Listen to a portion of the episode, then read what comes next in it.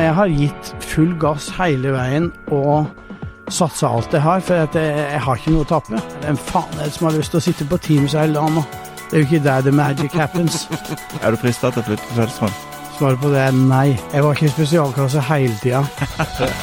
Her er Stavrum og Eikeland. Trond Volle, eh, du solgte jo akkurat livsverket ditt, Estate Media. Noen hevder for et tresifret millionbeløp. Du er nå blitt en rik mann. Skal du oppgradere Porsche? Nei, eh, jeg har ikke Altså, det, akkurat nå så føles det ut som jeg har solgt en nyere. eh, jeg har eh, Altså, livet med State eh, går jo videre, om jeg har fått noen sterke eiere. Så jeg har ikke tenkt å forandre på noe. Eh, og vi har ikke fått alle pengene heller, så vi skal jobbe hardt i mange år til. Altså en så, såkalt earnout-modell, da? eller? Ja, jeg kan ikke uttale så mye om selve avtalen, men eh, de har jo et lite tak i nakken på oss ennå. men du, eh, eh, Trond, vi har vært venner i, i, mange år. Jeg satt i styret ditt også. Eh, men en ting som jeg tror mange lurer på, det du har jo vært på en måte en vanlig lønnsmottaker, og så plutselig blir du rik. Har du fått kjent på den følelsen? Du, Det har gått bra for selskapet og med de siste åra. Eh, så det er det er ikke noen stor overgang, eh, men jeg har ikke vært veldig rik og kjent på det. Jeg syns ikke Penger har aldri vært noen motivasjon for meg, egentlig. Eh, jeg har eh, For meg så er det å bygge og lage noe. Og så er ikke jeg aleine om det. Jeg har masse flinke mennesker med meg på laget, bl.a. et godt styre. Så dette her føles ikke som det føles ikke som avslutningen på noe, det føles som begynnelsen på noe nytt. Du nevnte to stikkord om motivasjon og begynnelsen. La oss gå tilbake til begynnelsen. Du er fra Gjerstad.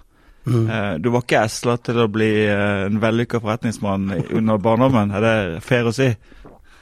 Jeg hadde kanskje enda litt dårligere utgangspunkt enn de fleste. Jeg var ikke noe flink på skolen. Eh, det var Jeg tilbringte jo kanskje mer tid på gangen enn jeg gjorde inne i skolerommet, føltes i hvert fall sånn til slutt. Eh, men det var små forhold, og det var Man blir satt sammen med mye rare mennesker. Eh, for man blir jo skilt ut når man ikke fungerer sammen med de andre. Så du havna i en spesialklasse? Altså? Jeg var litt av spesialklasse, ja. En liten stund, ikke hele tida. Men jeg klarte jo ikke helt å sitte stille, og klarte ikke helt å konsentrere meg. Og så jeg, måtte, jeg fungerte ikke helt sammen med de andre. Hvem var de andre i spesialklassen? Nei, det var to raringer. Eh, men jeg var litt rar sjøl òg. Jeg klarte jo ikke helt å, å, få dette her til Men jeg fungerte ikke godt på skolen, rett og slett. Da tenkte jeg jo at her kan jeg i hvert fall bli god. Eh, så da prøvde jeg å bli så god jeg kunne der. Men eh, det var jo mye enklere oppgaver, og på det nivået der, når jeg husker tilbake, så så følte du deg både dum, og du følte deg på utsida, og du følte at eh, hva faen skal det bli av meg her i livet? Jeg måtte jo prøve med å gå, bli en uh, håndverker av noe slag. Min far var jo Han jobba i Kruse Smith og var forskalingssnekker. Men sånn lang historie kort, så var jo Skulle jo ikke jeg bli noen håndverker. Så det var jo flere forsøk, både først som elektriker. Det var helt katastrofe. uh, Mye kortslutning? ja, det var Jeg var den eneste Jeg kom inn på spesielle vilkår, husker jeg. Og så um, og så uh, var jeg den eneste eleven som klarte å dette ned av en telefon, eller en sånn strømstolpe, som var en del av oppgaven. Det hadde aldri skjedd før. Uh, så jeg fikk flere anbefalinger på veien om at dette var ikke hylla for meg. Uh, og så prøvde jeg meg som snekker. det var jo heller ikke noen suksess, for så vidt. Bygde feil og snekra feil og Det er jo sånn når du begynner først feil med, med spikere med sånn spikerpistol husker jeg var jævlig flaut. Da begynner du liksom målt opp og var veldig riktig, og så når du da begynner feil, så blir jo alt feil. så da var det Jeg fikk mye kjeft. Og til slutt så landa jeg jo faktisk Jeg hadde en lærer, han var helt oppgitt over meg. Og da sier han at um, uh, dette her er ikke noe for deg, Trond, men uh, Men uh, jeg, skal, jeg skal sette ut en oppgave som, som du helt sikkert klarer å mestre, og da var det sånn å kappe, kappe småkapp. Eh, og så tenkte jeg nå skal jeg i hvert fall gjøre det veldig effektivt og være veldig flink. Og da klarte jeg fanken meg å kappe meg i fingeren. Så du ser her, jeg har en sånn kutt i fingeren. og så tålte jeg ikke blod, så jeg svima av. Og rett på legevakta. Og når jeg våkna opp, så sto han læreren ved sida av meg og sa fy faen, er det mulig? Du klarte ikke det engang. Men så eh, hadde du via en omvei, så havna du i Göteborg. Det var veldig, veldig spesielt. Det var et lite firma. For det første så hadde han overtalt meg. Jeg hadde jo en fast jobb som sjåfør. Eh, Så hadde han overtalt meg, for hver dag skulle jeg hente pakker der. Så det var siste hentinga jeg hadde, og han hadde overtalt meg om at eh, jeg hadde så talegaver, så at jeg burde begynne som selger. Eh, Og så til slutt så trodde jeg på han, så jeg sa opp min jobb. Og så sto jeg der en dag og sa at vet du, nå er jeg klar. Og så sier han det at uh, den så han ikke helt komme. uh, så, så han var egentlig ikke klar for å ansette meg. Han, han trodde egentlig ikke på at jeg skulle få til dette her. Og så, Da ble jo jeg veldig overraska, for han hadde jo pepra meg full hver eneste ettermiddag jeg var og henta pakker der. Så jeg tenkte han var jo Var det noen som var klar, så var det han. Så jeg så for meg at jeg skulle få veldig mye backing. Men det fikk jeg ikke. Men eh, det her har jeg jo sett i etterkant, at det ble jo kanskje noe av det som gjorde at jeg klarte meg helt aleine. Eh, for han Dette var jo skuespill fra hans side, så han, han Det var en taktikk han kjørte. Han, han pressa liksom alle ned. Og det var helt sånn Vi hadde morgenmøte hver morgen, husker jeg. Og da var det én som fikk sitte i en sånn veldig god stol med et sånt eget lite kaffebord. Mens de andre de fikk sitte på noen sånn knallharde pinnestoler. Og den som hadde solgt dårligst hele forrige uke, eller forrige uke, han måtte stå og servere kaffe. Og jeg sto jo de første månedene og serverte kaffe. Eh, så dette her ble jo veldig morsomt. Og jeg tenkte en vakker dag så skal jeg faen meg ha den der skinnstolen der. Og han Mats, husker jeg, han hadde masse kviser, og han, jeg kan ikke skjønne hvordan han klarte å selge. Han hadde jo i hvert fall ikke sjarm. Så jeg tenkte, hva er det han kan, og hva er det han gjør som ikke jeg gjør? For jeg fikk jo bare døra i nesa hver gang. Så jeg tenkte Og det var jo sånn, alle jobba på egen provisjon, så det var liksom ikke noe team on. Det var alle mot alle. Eh, Og så, så tenkte jeg at jeg må bli venner med han der Max, eh, Mats, og så må jeg finne ut av hva er det han gjør som ikke jeg gjør. Så inviterte han på fest, blei litt kjent med han, men liksom når vi kom til det med jobb, så var det akkurat som han dro ned gardinen. Og så blei vi litt gode venner etter hvert, da. Og så, så spurte jeg han du, nå er vi jo venner, kan ikke du lære meg litt om hva dette her er? Så kan du få en liten andel av min provisjon. Ja, så begynte han å forhandle, husker jeg.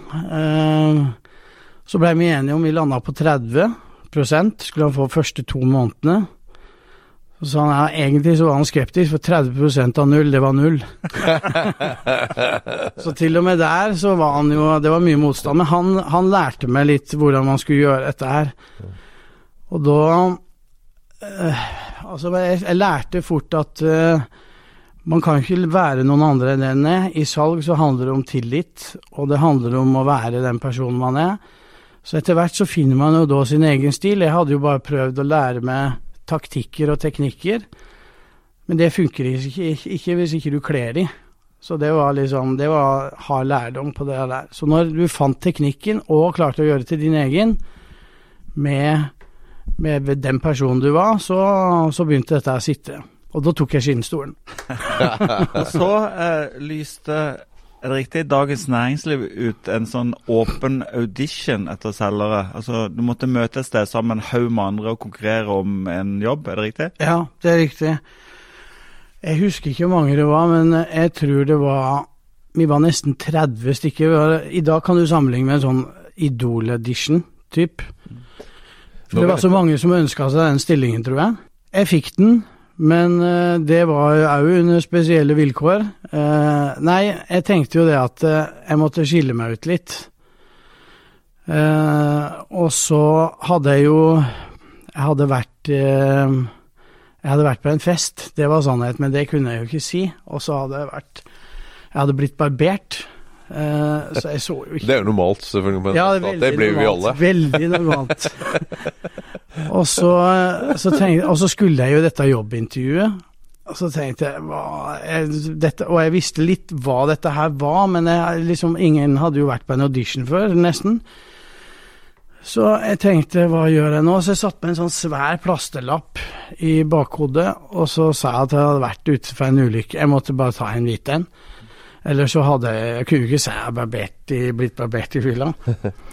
Og så var det Per Håheim, som var da en av de som skulle bli Altså, han satt og valgte ut. Han var salgssjef på Dagens Næringsliv den gangen. Og så var det Ringdal, som var da sjefen hans igjen. Og det var runde på runde, og så ble det stadig færre og færre. Og til slutt da, så var det et par stykker igjen, og så fikk jeg en til slutt. Jeg gjorde det veldig bra på eh, Dagens Næringsliv. Eh, det var jo helt andre former. Da jobba jeg for Kåre Valbrok. Eh, og jeg husker hver eneste dag så satt jeg og venta på For Kåre han tok en sånn runde innom salgsavdelingen, og så så han på Den gangen så var det ikke noe elektroniske tavler, men det var en sånn tavle der. Og der hadde alle skrevet opp salga sine. Og så hadde jeg, jeg jobba på Bransjeguiden, heter det. Eh, det var bare masse småsalg og cold calls. Um, og der, Så jeg hadde mange småsalg, og så hver dag jeg kom forbi, så, eller som Kåre kom forbi, så så han det at jeg hadde veldig mange salg. Eh, og da sier han eh, Valle, du, du selger mange, mange ganger hver dag, det liker jeg. så hver dag så kom Kåre forbi eh, før han gikk og tok lunsj. Og jeg gikk heller ikke og tok lunsj før. Noen, han kom jo ikke på akkurat samme tida, men det var viktig for meg. Jeg husker jeg å få det her klapp på skuldra av Kåre, og bli sett av Kåre. Og så ble du herrenta til næringseiendom. Ja, eh, for jeg jobba på eiendom, eh, rubrikk på eiendom, og da måtte vi Den gangen så var det jo skalpell og skjære ut logoer og sende logoer i konvolutt og sånn.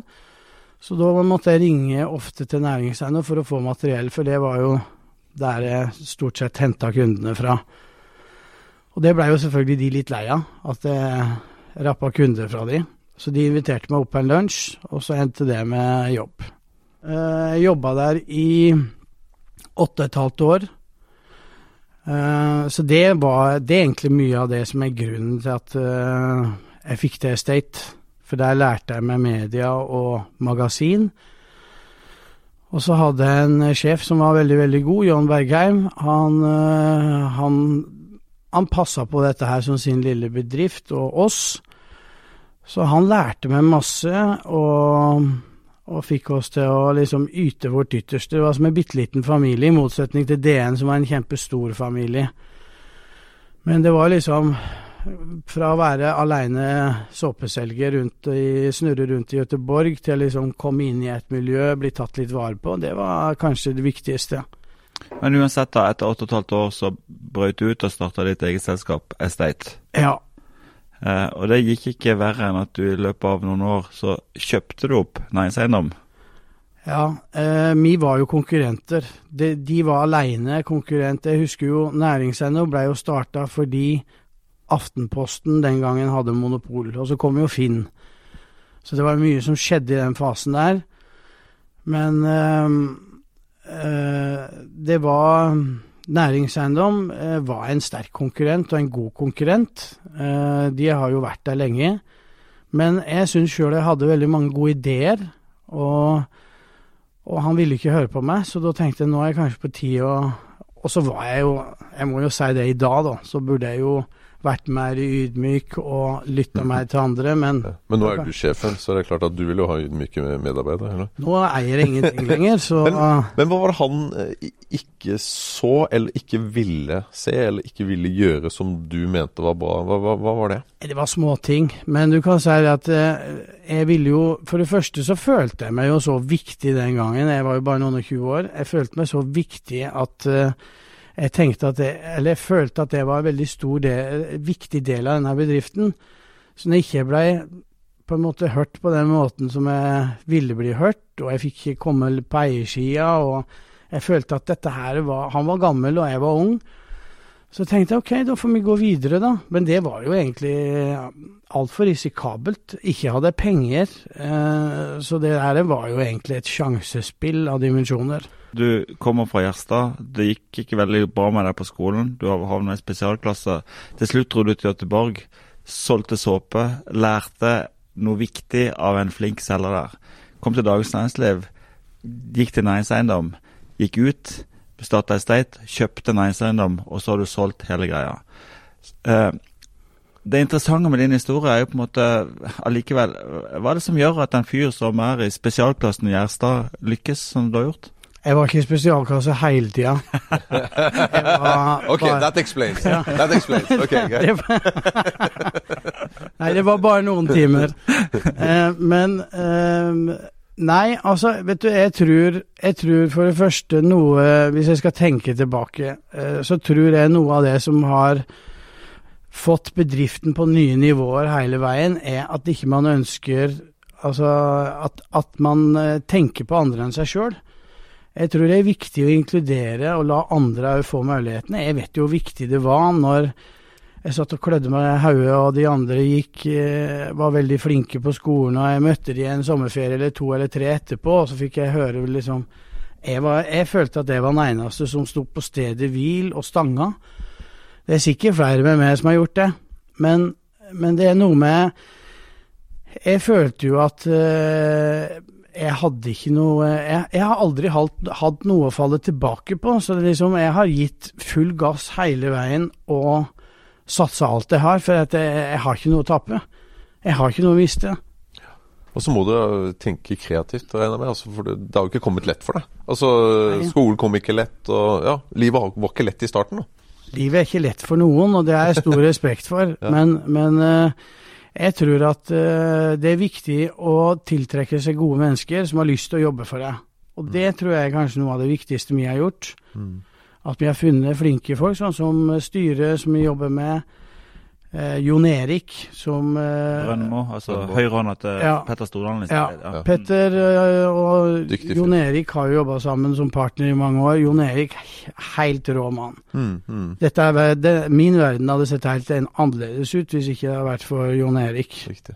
Og Men det, det, det er interessant å tenke på, for at du, sånn, du eh, Det høres jo ut som liksom, vi skal framstille deg som en skoletaper, det er du ikke. Du er, du er jo en smart fyr, men jeg tipper du har litt problemer med å sitte stille på stolen. Eh, kanskje litt i likhet med Kjell Inge Røkke, som også hadde litt problemer med å sitte stille på stolen, og som begynte til sjøs som 16-åring, men som har en utrolig energi. Er vel, jeg ser noen likhetstrekk personmessig, om ikke pengemessig.